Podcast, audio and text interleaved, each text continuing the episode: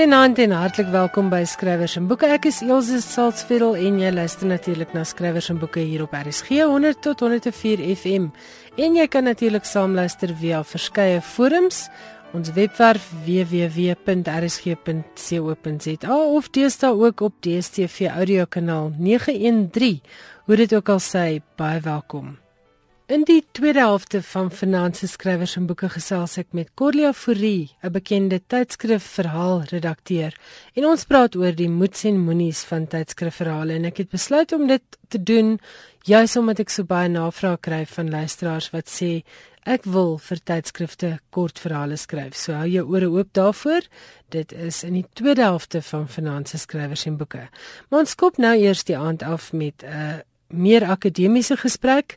Corina van der Spool gesels met professor Anthea Garman oor die mediakapitaal en die invloed van die werk van Auntie Krog.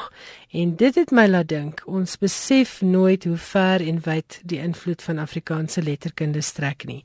Hier is 'n Engelssprekende professor aan 'n Engelse universiteit wat 'n hele boek skryf oor 'n bekende Afrikaanse skrywer, digter en meningsvormer. Hier is professor Anthea Gorman in gesprek met Corina van der Spool. I've had an opportunity recently when Anthea Garman was visiting from Rhodes University in Grahamstown in Johannesburg to interview her. And why I found it so interesting to do it is that because she just published a book with the title Ankie Krog and the Post-Apartheid Public Sphere, Speaking Poetry to power. Now, Anthea Garman is a professor in the School of Journalism and Media Studies at Rhodes University, and she teaches writing and editing. And she was a journalist during the states of emergency in the 1980s and during the TRC hearings in the 1990s. Now, that was very interesting to me coming from a media studies person and a journalist. Mm. And an English speaking person mm. to write a book about mm. Ankie Krog, the mm. beloved Afrikaans poet. Yes. Her work does get translated into English now. Um, in now yeah. in recent years. But how has this come about, the study of an Afrikaans okay. poet? I suppose it was the Truth and Reconciliation Commission. I had never heard of her as a poet. You know, we'd never uh, we'd never read her at school. Strangely enough, you know, even though I had to study Afrikaans at school, we'd never read her. I didn't really know of her status, you know, as, as a literary person. But I encountered her at a workshop that a friend of mine set up for journalists covering the Truth and Reconciliation Commission.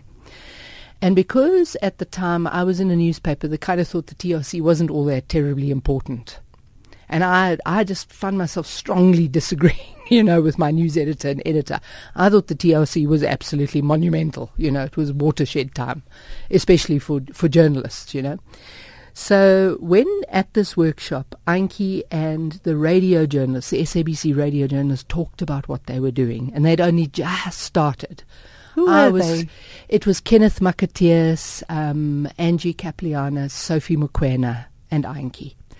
And I was just completely riveted uh, there had already been movements within the journalism community to sort of break ranks with the Journalists Union, the SAUGA, and create something called, I think, the Democratic Union of Journalists or so on. And you know, there was there was already a shift in the way journalists well of course, you know, the states of emergency and the early 90s had posed big challenges to journalism in South Africa. So I was very, very interested in the way they talked about what they thought they were doing, because obviously they were involved in that reconciliatory process. And of course, they were taking the brunt of the effect of what they were hearing as well. So I was incredibly fascinated. And then when Anki brought out Country of My Skull, I interviewed her for the Rhodes Journalism Review. And then she was on my radar, you know, and then I suddenly started to think maybe many of the things I was questioning about journalism and media in South Africa, actually, she was posing questions with a great deal of um, panache and authority, because in fact, she wasn't embedded like me in the journalism world. She had come from the outside as a poet and as a literary person. So she often she often um, had a freedom to pose questions that I felt I myself didn't quite have that freedom because I was too deeply embedded in the journalism world. And journalists can turn on their own, you know, and many people turned on her and said Country of My Skull was the most terrible book and it was a bad piece of journalism and so on. Those were things said at the time. But I found her very, very fascinating and interesting. This book is a result really of your PhD, which yes. was on the accumulation of media capital. What is media capital? Okay. I had a, a, bunch of things in my head that I wanted to study. So I wanted to look at shifts in journalism. I wanted to look at South Africa and the public sphere. I got increasingly interested in the public sphere.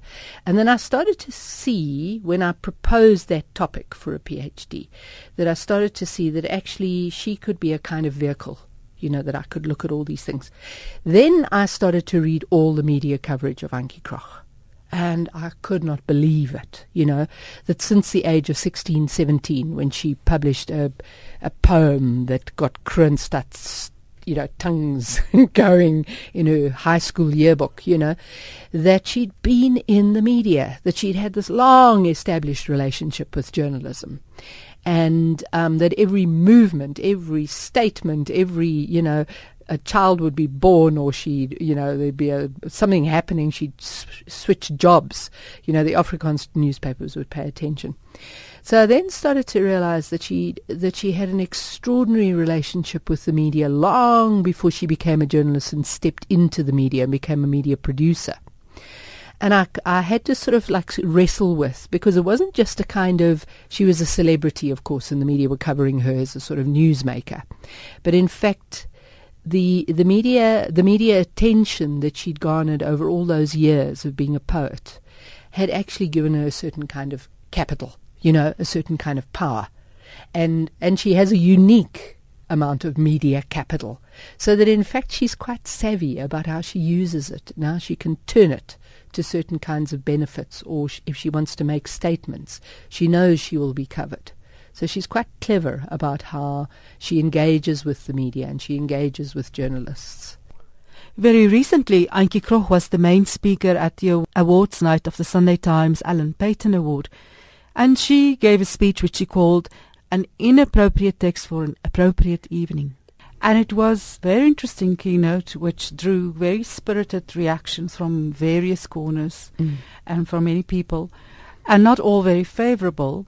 Yeah and you if you say that she knows how to to press those buttons she she used that forum because yes. she has that media yes. capital yes what do you think because you your book is called Antjie Krog and the post apartheid public sphere what is her project her public project her project using yeah. the media well i suppose it's changed over the years during those uh, uh, during the years of Country of My Skull and Change of Tongue probably very much was a reconciliatory project. Race is much more complex now, and I think begging to be black I find a very complicated text. I find it quite hard to sort of pin down exactly what is she saying in this text because she's obviously not begging to be black but she's saying something quite complex. But I think she does again and again want to talk to fellow white South Africans about their attitudes and their resistances and their evasivenesses. And and she does she does quite bravely step out into spaces to say maybe inappropriate things, but she knows she's saying inappropriate things and she's brave enough to say inappropriate things. I think I think she is speaking to fellow white people. She's feeling is, is speaking to people about you know, those spots where they're not willing now to give, whereas maybe 10 years ago or 15 years ago, 20 years ago, there, were, there was a sort of softening of the heart and a listening mode. That's gone away. And I think, you know, maybe she's, you know, banging quite loudly on a door that's closed. Also, latching on to that, where do you think Antjie's plea now fits into the current race debate? Mm. Because who speaks has become very yes. important yes. now. And can was, white, yes, white can white people speak? Yeah, I suppose that was what um, partly, partly sort of also motivated the study, because I think I was hearing, particularly say from people who had felt very comfortable once they had a, a, accommodated themselves to black demands and uh, you know. Uh, um, black people driving the struggle. You know, many um, white people had gone, okay, fine, you know, I'm on side with this. I understand this and I can join this struggle and I can be with it.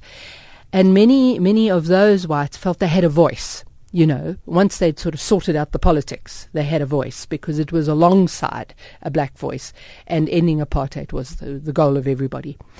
But in the years that I was doing this study, more and more people were saying, We are voiceless, we are very careful, we are not stepping out there and saying what we think, and so on. And yet here was Antjie continuing to speak. And I was completely fascinated.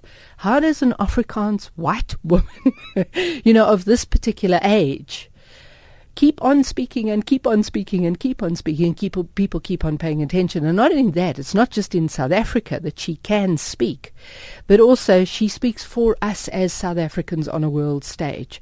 So one of the things I did was I looked at history syllabuses at universities around the world where I could find them online. The extraordinary thing would be that every text for, for the post-apartheid South Africa in a history syllabus that I could find would be Country of My Skull. So here is Anki as the authority on the post-apartheid space, you know, in in in you know American classrooms and British classrooms and you know Canadian classrooms and, and Australian classrooms. and German classrooms, etc., etc. So it fascinated me that people had found a voice they could listen to you know.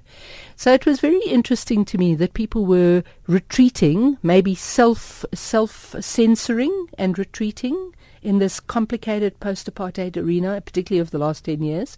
But Antjie wasn't, you know, and she was still talking and she was still being listened to. So I was completely fascinated. What made for that collection of things that made her confident that she could continue to use her voice and people would listen? Now, of course, she got that position through poetry, really.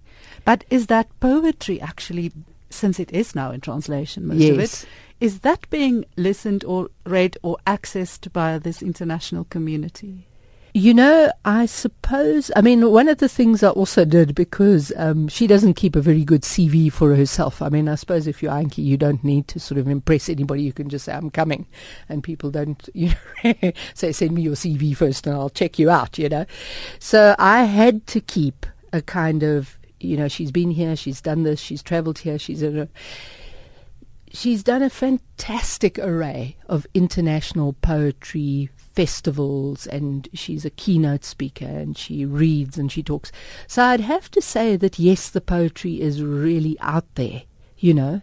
What what array of that poetry, you know. So for instance, you know, I read Lady Anne, the entire thing in Afrikaans to try and sort of get into the psyche of, you know, 1989.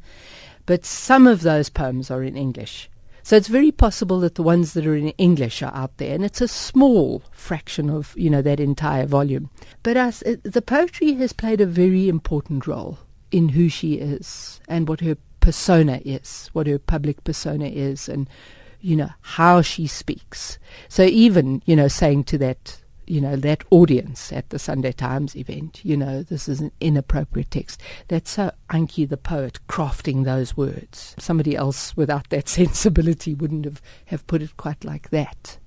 But I think uh, uh my sense was that after all that TRC and the books and so on, that actually what she did do was she actually did go back into poetry and into the literary and she started to, you know, do some quite extraordinary things with that in order to make that a space of um, her voice and her her intentions and her concerns.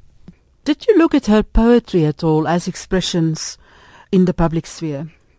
Look, I, what I was really concerned about was her relationship to the to South Africa. You know, to all of us you know so she's she's she's not speaking as an afrikaner or just as a woman.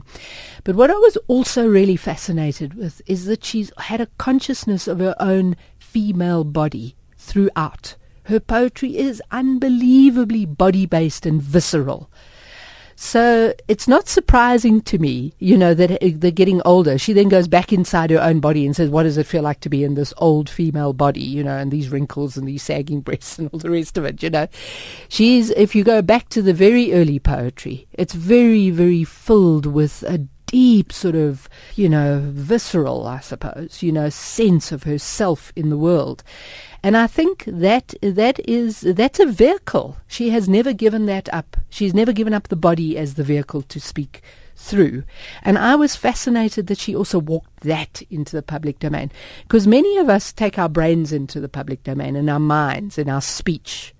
But we're very, very careful as women, you know, to walk our bodies out there, just in case somebody, you know, is is, um, you know, thinks that that's a little bit too much stuff to have out there. She's not she's not at all concerned if anybody thinks that's too much female stuff out there. You know. Now Antjie comes with a certain energy and her readings of her poetry are also very energetic mm. and you can't ignore it. It's, it makes an appeal to you. Yes. And I see one of your chapter headings here is writing at a white heat. Yes. that, that was what J.M. Coetzee said about her. So when I was reading, oh, I can't remember, is it Diary of a Bad Year? Is it? Uh, I think it's that book. He has the character in that book read some Anki and make the comment that she writes at a white heat like a Russian. And I just thought this is a, this is this is this is such a good capture of you know that sort of almost like the flames licking at you while you listen to her, you know. Yeah, there is there's an extraordinary amount of energy. I mean, uh, I'm thinking about when was my last encounter? Oh, not so long ago. Uh, we went to the Franschhoek Literary Festival in May, and she read. And you know, here she is at this at this age, after all these many years, nearly five decades of writing and being in the public eye, and still that energy is very intense. The subtitle of your book is "Speaking Poetry to Power," mm. instead of, as we normally mm. know and hear, speaking truth to power. Mm. What is this particular truth of Antjie's? Well, I suppose it's all the things her poetry embodies. So it's it's personal, it's based in lived experience, it's based in the body, it's based in the aesthetic. So I think that's you know that's the really interesting thing. It's not just about crafting a good argument. You know, it's about using the aesthetic forms that are uniquely human to capture, you know, what we think and what we do and what our problems are, and so on. So, so you know, Anki has a unique way of marrying the aesthetic with the political, making the aesthetic extremely political, making the political, you know, bow to the aesthetic because the political usually rules in a way that you can't ever get it to be subject to anything else, you know. Overtakes us all in South Africa. And there's something about Anki's ability to make the aesthetic and the political talk to each other and make them accountable to each other. So I suppose I was trying to capture that. And when I was um, running through with my colleagues one day, some of the stuff in the book, you know, and kind of like giving them a sort of sense, my colleague Alet Skoon, who of course has known Antjie's poetry, you know, since she was a child, said to me, Ah, this is what she does. She speaks poetry to power. I said to Alet, That's exactly it. That's, a, you know, you've captured, you've caught what this thing is, because it is a performance of holding power accountable but it's not the usual one. You know, it's not the Saidian one. It's not the, the rational one. So that's that's what that you know is trying to capture that particular phrase. And do you think her particular truth, which is a poetic truth mm. and a poetic appeal, was your study also looking at the effect of that on on those structures of power? Well, what I was doing was looking at it all through the media coverage, and it's very fascinating because you can see Thabo Mbeki quoting her. You can see Nelson Mandela quoting her. You can see all sorts of people, you know, making use of her stuff. You can see readers to newspapers responding, you know, readers to newspapers, you know, talking in when they would hear her on the, t- you know, on the TRC report on, on radio and so on. So you can see the responses through the media. You can see people picking her up and using her and duplicating what she says, you know. So while I wasn't sort of interviewing people and saying, well, what's your response? You know, I could see it. The media coverage is rich, rich, rich. It's very, very, it's a very in, in, intense, detailed archive. So as a poet, she has certainly had an effect yeah. on on a public debate. Yeah, yeah, she absolutely has. Yeah. I'm convinced of it a study like this is working towards a conclusion, I'm mm. imagining. Mm. Mm. What is your conclusion about speaking poetry to power? My conclusions are then about the South African post apartheid public sphere. You know, that in fact, actually, what we do need to do is not be all cerebral and rational, you know, and talk to each other in these kind of Habermasian ways from the 18th century, you know, that we actually do need to pay attention to anger, rage, pain, body experiences, you know, all the things that Anki actually just kind of like walks out into the public domain because they are important. I suppose the thing is, you know, some of us, especially, say, women, you know, we, we're persuaded that actually we must speak extremely rationally and have an incredibly good argument because then we will be listened to. Anki just chucks away the argument and walks out there and says what she wants to say in that visceral, you know, strong kind of energetic sort of way. And, you know, she's borne out by what's going on in our public domain at the moment. People are walking out all sorts of stuff into that public domain and chucking away the rules. And she did it a long time ago, you know, and she's a good role model for it. I suppose the other sort of conclusion is it is that you can't look at these idealized public spheres of the past. You know, Habermas described these coffee shops in Germany and blah blah blah blah blah, and these, you know, whatever in England and so on. This is the public sphere we've got you know. And what happens in the public sphere happens in the public sphere. We shouldn't be going, oh, it's too messy. Oh, it's intellectually, you know, poor and all this kind of stuff. I just go, well, that's the one we've got. You know, that's how South Africans talk to each other. And that's what we must deal with. And if it's full of, you know, gendered stuff, queer stuff, black stuff, whatever, that's what we need to talk about. Because otherwise, why would people put it out there? They want us to take it seriously. Our history, our history is in our talking with each other. You know, that's where it is. Dit was Rhodes akademikus Anthea Garman wat gepraat het oor haar studie oor Antjie Krog and the Post-Apartheid Public Sphere, Speaking Poetry to Power. Die boek is gepubliseer deur die Universiteit van KwaZulu-Natal Press. Dankie aan Corina van der Spool vir daardie baie interessante insetsel. My gas vanaand in die ateljee is Corlia Forina. Corlia is 'n bekende, bekroonde skrywer, nie net van romans nie. Ons gaan ook gesels volgende week oor haar jongste roman. Corlia 'n dramaturg en die verhale redakteur by Rooi Rose en 'n gewaardeerde kollega van my.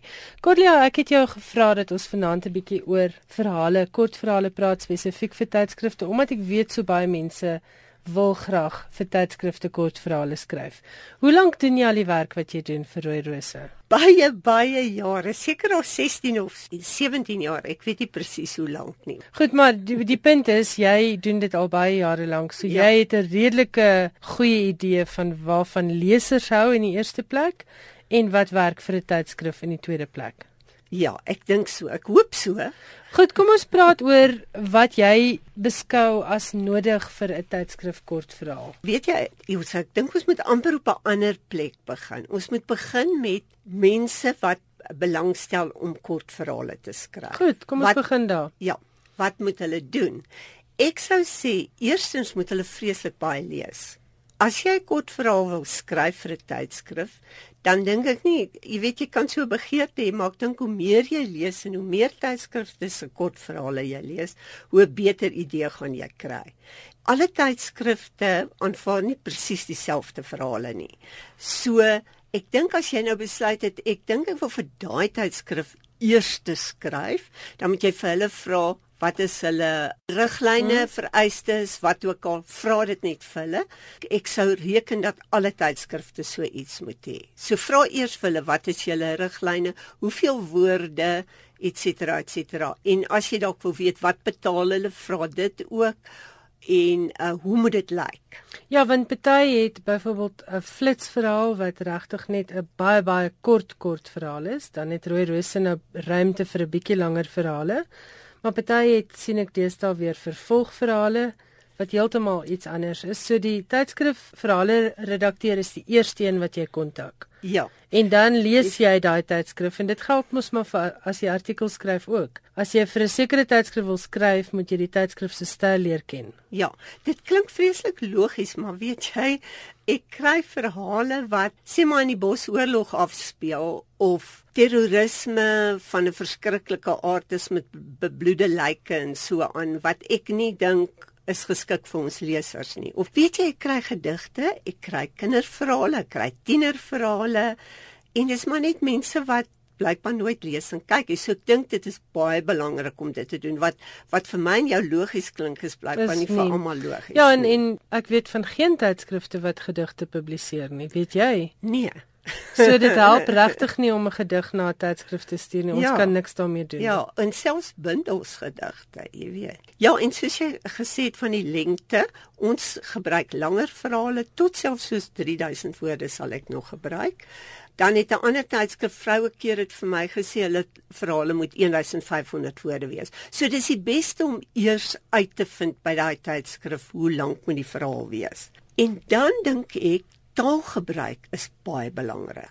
As jy wil skryf, moet jy vir jou 'n goeie woordeboek aankoop of 'n spelreëls of jy moet ehm um, die ehm um, speltoetser kry vir jou.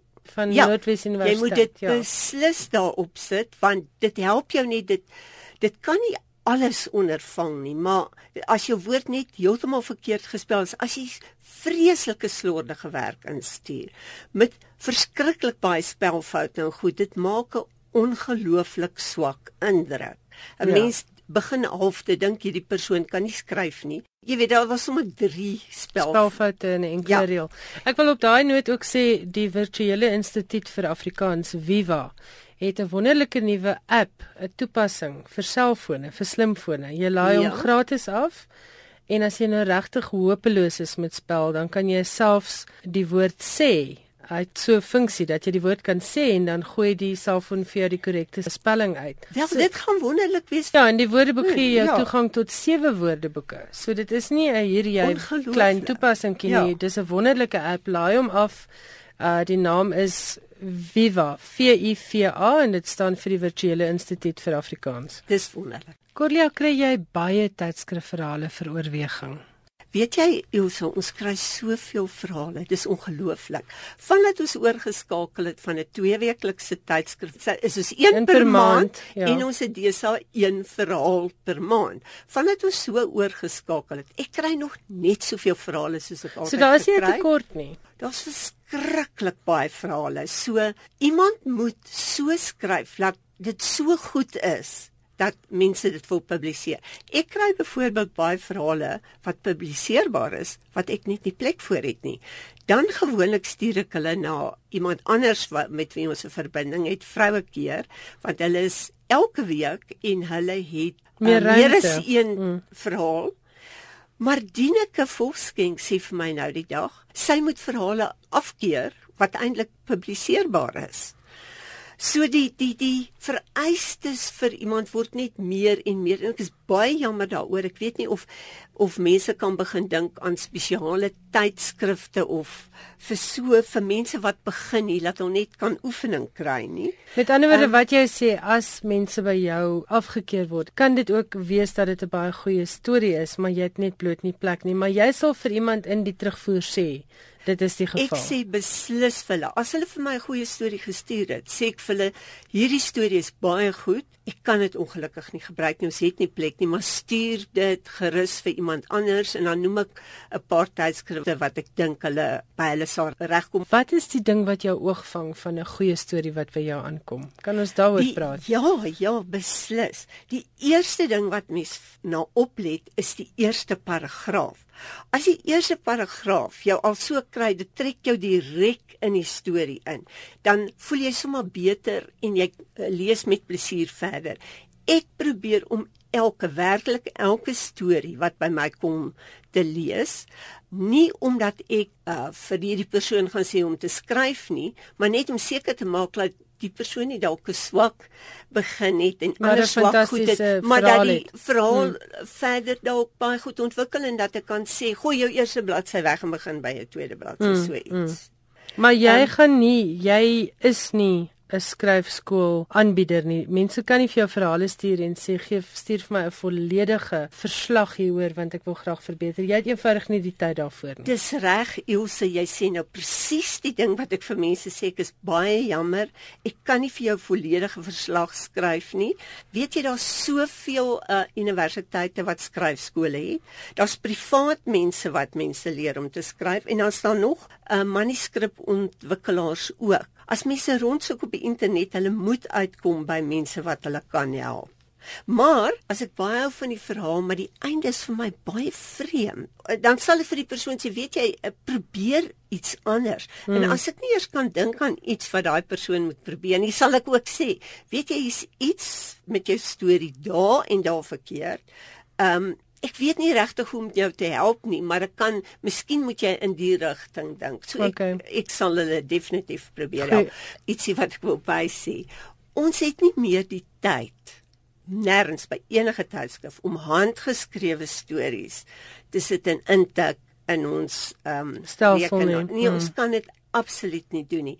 Mense moet, hulle stuur vir my omtrent 'n boek wat handgeskrewe is. En ouer mense het altyd kinders of kleinkinders of iemand wat hulle ken wat vir jou daardie kan intik en onthou ons werk in Word. Ons Ja. as hulle vir my dit as 'n JPEG stuur, kan ek ook niks daarmee. Hmm. Ek kan dit deurlees, maar ek kan nooit daarop werk Ja, en nie. PDF ook nie. Ja, want- nee, glad. nie. Want dan moet jy dit ook oortik. Ja, Hm, Goed. so. Ja, dis belangrik, maar Ja. daai is in die riglyne wat jy vir hulle sal stuur as hulle vir jou vra hoe moet 'n verhaal lyk. Ja. Jy het nou nou daarna verwys dat sekere onderwerpe eenvoudig nie gaan werk vir 'n vroue tydskrif soos Rooi Rose nie. Vertel 'n bietjie meer oor geskikte onderwerpe vir verskillende tydskrifte. Ons gebruik um liefdesverhale. Ons sal humoristiese verhaal gebruik, 'n spanningsverhaal as hy goed genoeg geskryf is, verhoudingsverhale, kontryverhale en ek gebruik ook literêre verhale, mits die literêre verhaal ook werk as 'n baie sterk storie. Ja. Jy weet, as dit hy moet amper soos daai, jy weet, 'n uh, fusion goed wat wat dit werk as 'n uh, gewone verhaal want dit is baie uh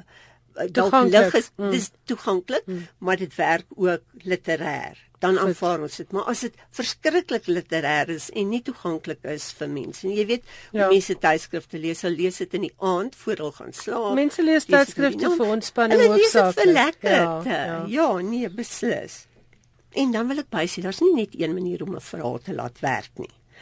Dis is reëls buigsel. En selfs as ek vir mense sê, hierdie is 'n reël, jy weet soos baie keer by kort verhale wil jy 'n omkeer hê aan die einde. Jy weet iets 'n verrassende slot hê.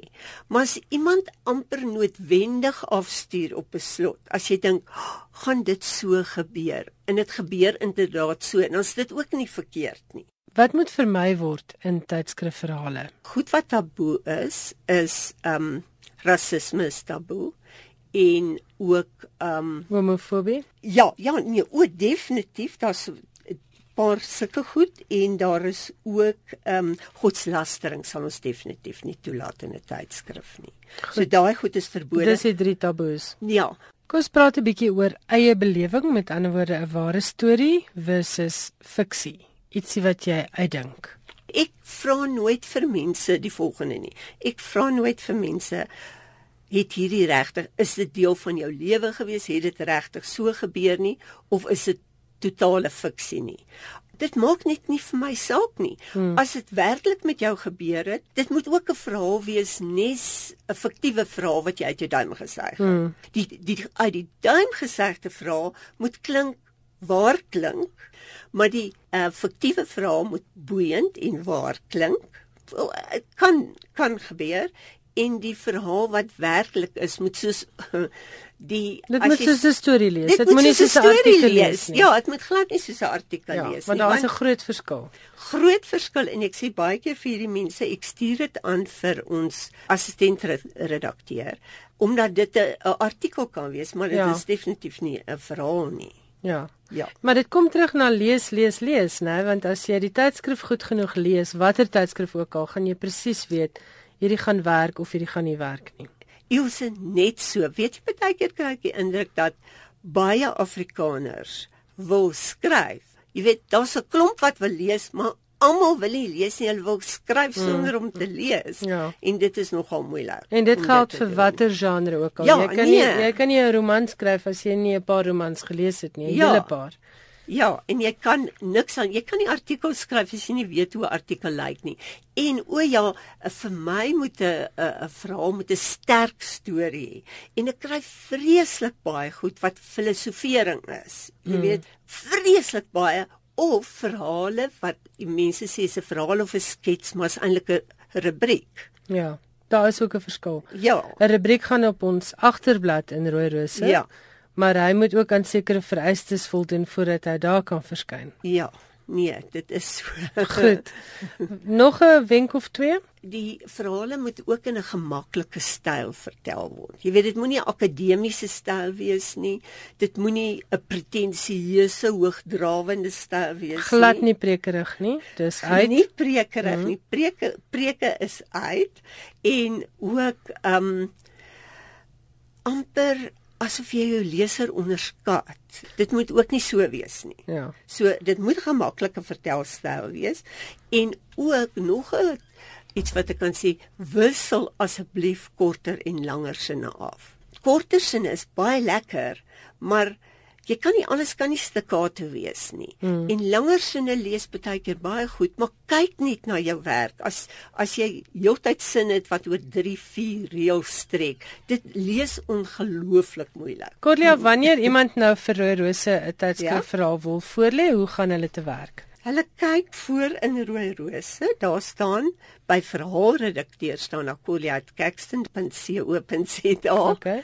Hoe hulle my kan kontak Is in die tydskrif. is in die tydskrif. En dit self. geld vir alle tydskrifte. Huisgenoot, ja. vroue keer almal. Ja.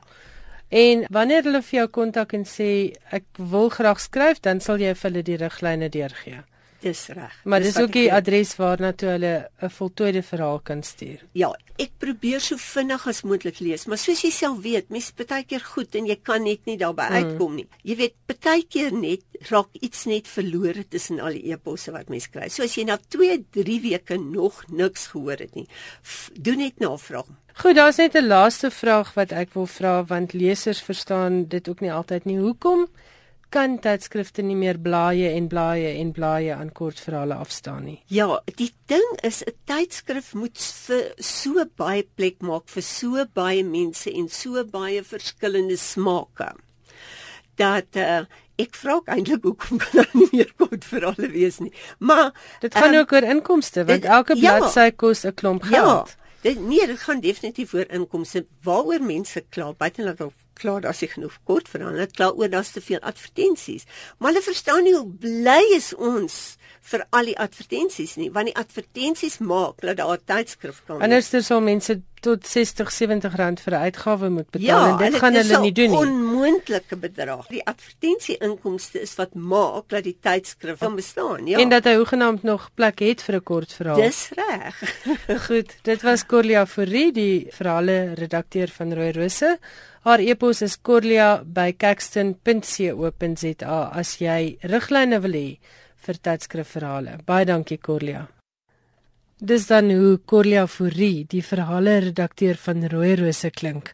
Sy het verwys na Dieneke Volskenk, die verhale redakteur van Vrouekeer en ek het toevallig hierdie week 'n e-pos gekry oor 'n voldag werkwinkel oor die skryf van tydskrifverhale wat in Pretoria aangebied word en waar Dieneke Volskenk die hoofspreker sal wees. Op 31 Oktober van 8 tot 4 bied die skryfbesigheid 'n voldag werkwinkel aan in Pretoria Oos. Onderwerpe wat behandel gaan word is subgenres van die Afrikaanse prosa waar pas die tydskrifverhale in, die vereistes waaraan tydskrifverhale moet voldoen om vir publikasie oorweeg te word en die mees algemene foute wat skrywers begaan, praktiese hulp met die skryf van tydskrifverhale en die finale versorging van jou verhaal.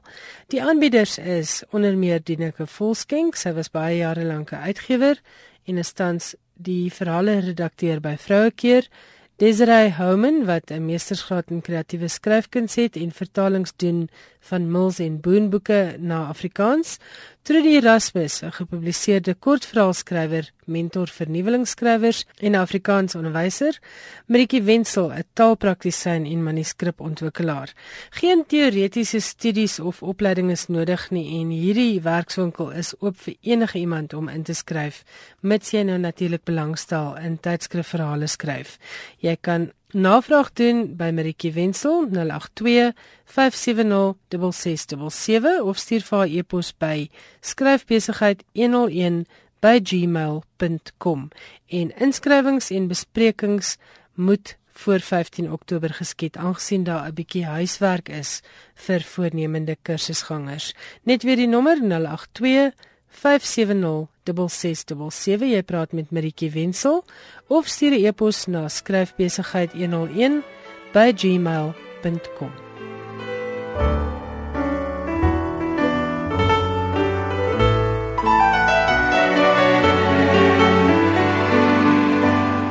Johan Meiberg is by my in die ateljee en Johan ons skop af met 'n kinderboek vanaand. Inderdaad so.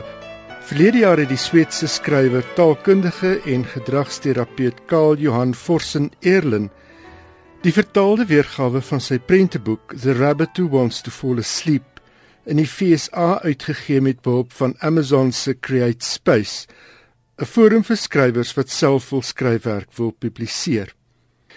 Die boek het nie veel aandag getrek nie, maar toe publiseer die Britse Daily Mail middel verlede maand 'n storie oor die boek en beklemtoon Forsen Erlen se aanspraak op die voorblad as die kop van die storie. En dit is die boek wat jou kinders aan die slaap sal kry. Hy moes 'n ryk aar oopgebore het en daar moet besonder baie moedelose ouers wees, want onmiddellik het die boek die nommer 1 posisie op die Britse Amazon verkoperslys ingeneem en kort daarna ook die op die Amerikaanse Amazon lys. Sedertdien word die boek bemark as 'n maklike manier en 'n waarborg om jou kind te laat ontspan voor slaaptyd. Boonop het jy nie enige besondere vaardighede nodig nie. Al wat jy moet doen is om dit voor te lees. Miskien net met 'n verbeterde taalpatroon in gedagte. Wat staan die geheim van die boek? Die skrywer beskryf dit as 'n nuwe soort slaapstorie, 'n mengsel van sielkunde, storie en goeie bedoelings. Volgens Forsen Eerlin wat ook 'n taalkundige is aan die Universiteit van Jönköping, prikkel die verhaal van The Rabbit Who Wants to Fall Asleep die onderbewussyn en word allerlei sielkundige tegnieke ingespan in die klein koning Roger se soektog na slaap waarin hy karakters soos oom Gaap, die slaapslak en die ou met die swaar ooglede ontmoet. Op soek na slaap kry die koninkie die raad om langsaam te dink, kalm en stadig asem te haal, maar ook om die lyf swaar te laat word, so swaar dat dit voel asof jy val. In die voorlees van die verhaal van 28 bladsye moet ouers ook regelmatig gaap. Kursief gedrukte woorde moet ekstra langsaam uitgespreek word en met behulp van teksritme moet die kind verbaal aan die slaap gewieg word. The Rabbit Who Wants to Fall Asleep is naas die oorspronklike Sweeds ook reeds verkrygbaar in Engels, Duits, Frans, Spaans, Portugees en Italiaans. Verskeie sielkundiges en terapeute het intussen aangedui dat die boek gewis waarde het om kinders droomland toe te kan stuur. Oor die algemeen is lesers gaande oor die boek en is die terugvoer besonder gaaf. Maar dan is daar ook uiteraard die wat sê die boek werk nie vir hulle nie. Ek sou nogal kon doen gisteraand met 'n voorlesing van The Rabbit Who Wants to Fall Asleep. Dink jy ons gaan hom op 'n audioboek in Afrikaans kan kry? Hoekom nie op ek weet nie van audioboek nie. En dan het jy nuus oor 'n nuwe Terry Pratchett boek. Ja, sy laaste boek is pas uitgegee 6 maande na sy dood. The Shepherd's Crown, die 41ste roman in sy Discworld reeks, het pas in Brittanje verskyn. En Pratchett aanhangers het in Londen, Oxford en Newcastle voor boekwinkels oornag om eers te wees om die nuwe boek in die hande te kan hou. In Perth in Australië het een boekwinkel gratis sneeustoekies saam met die boek aangebied. Dis omdat dit nou regtig verby is, het die winkelier gesê. Pratchett is in Maart in die ouderdom van 66 jaar dood, 8 jaar nadat hy met Alzheimer se siekte gediagnoseer is. Sy eerste roman, The Carpet People, het in 1971 verskyn en die eerste in die Discworld reeks, The Color of Magic, het in 1983 verskyn. Sedertdien het 'n konstante stroom van 2 boeke per jaar verskyn. In etlike van die romans in die Discworld reeks parodieer Pratchett gebeure uit die alledaagse lewe, uit die rolprentbedryf, koerantwese, rock and roll, godsdiens, die Golfoorlog, werkersunies en die geldwêreld. Uit dieselfde wêreld kom 'n boek The First Thing You See. Die vertaling van die Franse skrywer Grégoire Delacour se jongste roman Die verskyn tog nou wel eersdaags in Brittanje. Ek noem dit want dis die vertaling en publikasie wat die rolprentster Scarlett Johansson ten alle koste wou verbied. Delacour het die boek geskryf as 'n liefdesverklaring aan Johansson, maar sy het duidelik nie so gedink nie in hom hof toe gevat. Die roman gaan oor 'n jong motorwerktuigkundige wat eendag 'n vrou op sy drempel teekom wie hy dink Scarlett Johansson is. Dit blyk dis 'n vrou wat haar voordoen as Johansson. Die uitgewer het die roman beskryf as 'n tere liefdesstorie oor twee broers se siele wat by mekaar uitkom. Toe die Franse uitgawe in 2013 verskyn het, het Johansson onmiddellik beswaar gemaak. Delacour was uit die veld geslaan. Ek het eerlikwaar gedink sy gaan vir my blomme stuur oor die liefdesverklaring. Ek was sprakeloos oor haar reaksie, het hy gesê. Johansson het aangevoer die roman het haar privaatheid geskend en haar naam, roem en openbare beeld vir eie gewin uitgebuit. As skadevergoeding het sy sowat 750 000 rand geëis en boonop geëis dat die Engelse vertaling nie gepubliseer sal word nie. 'n Franse hof het ten gunste van Johansson se eis vir skadevergoeding uitspraak gelewer, maar daar sowat 37 000 toegestaan. Die vertaling en die publikasie is nie gekeer nie. 'n Woordvoerder van die Franse uitgewer het gesê die skadevergoeding is verrassend vir al se mense gedagte hou dat die roman nie eers oor Scarlett Johansson gaan nie, maar oor 'n dubbelganger. En dan Oliver Sacks, die Britse neuroloog en skrywer, ook genoem die poet laureate van die wêreld van medisyne, is Sondag dood in sy huis in New York. Hy was 82. Sachs was die skrywer van boeke oor ongewone mediese toestande soos in The Man Who Mistook His Wife for a Hat van 1985 en The Island of the Colorblind van 1997. Awakenings is geskoei op sy werk met pasiënte wat behandel is met 'n middel wat hulle na jare uit 'n katatoniese toestand kan wek. Die boek is vervul met Robin Williams en Robert De Niro in die hoofrolle. In plaas daarvan om bloot die feitelikheid van die omstandighede in sy boeke oor te dra, het Sachs meesterlik daarin geslaag om die leser verwonder te laat oor die mens se vermoë en potensiaal om ongeag omstandighede steeds 'n eie soortige individu te wees. En soveel huldeblyke word verwys na die bydrae wat Sachs gemaak het tot die mediese navorsing en die toegang wat hy lesers gebied het tot die wêreld. Hy is beskryf in meer as een huldeblyk as 'n geliefde skrywer. Wat uitstaan van die man en ek al aan is sy empatiese en matelose belangstelling in die verkenning van wat alles in die mens se kop aangaan. Ek onthou ek het Awakenings gesien en dit is 'n wonderlike manier om 'n baie ingewikkelde storie te vertel. Dis alweer seks. Maar ek lag oor daai the man who mistook his wife for a hat. Dit is nou nogal 'n klein foutjie om te maak as jy na jou vrou kyk, né? Nee. Lees die boek en uh, en en hy het dit inderdaad met hom oorgekom. Dit is natuurlik die stem van Johan Meiburg wat sorg dat ons elke week 'n baie interessante insetsel het oor wat in die internasionale letterkunde en boekbedryf gebeur. Johan, baie dankie vir jou moeite. daarmee het ons dan ongelukkig aan die einde gekom van Finansie Skrywers en Boeke. Ek hoop jy het die program geniet. Laat weet gerus deur 'n e-pos te stuur na skrywers en boeke by RSG www.potgooi.co.za. Onthou ook dat Finanse program op Potgooi beskikbaar is op ons webwerf by www.rsg.co.za. En dis 'n lekker handige hulpmiddel vir leeskringe en boekklubs. Laai gerus die gesprekke af en dan kan julle sommer as 'n groep saam daarna luister. Volgende Woensdag gaan dieselfde tyd net na alges ons terug met nog geskrywers en boeke. Dan gesels Suzet Kotse Meiburg met Debbie Loots oor haar debuutroman Split. Tot volgende week dan, geniet die res van vanaand se programme, geniet jou week en mag jy hoop 'n lekker boeke hê om te lees hierdie week. Totsiens.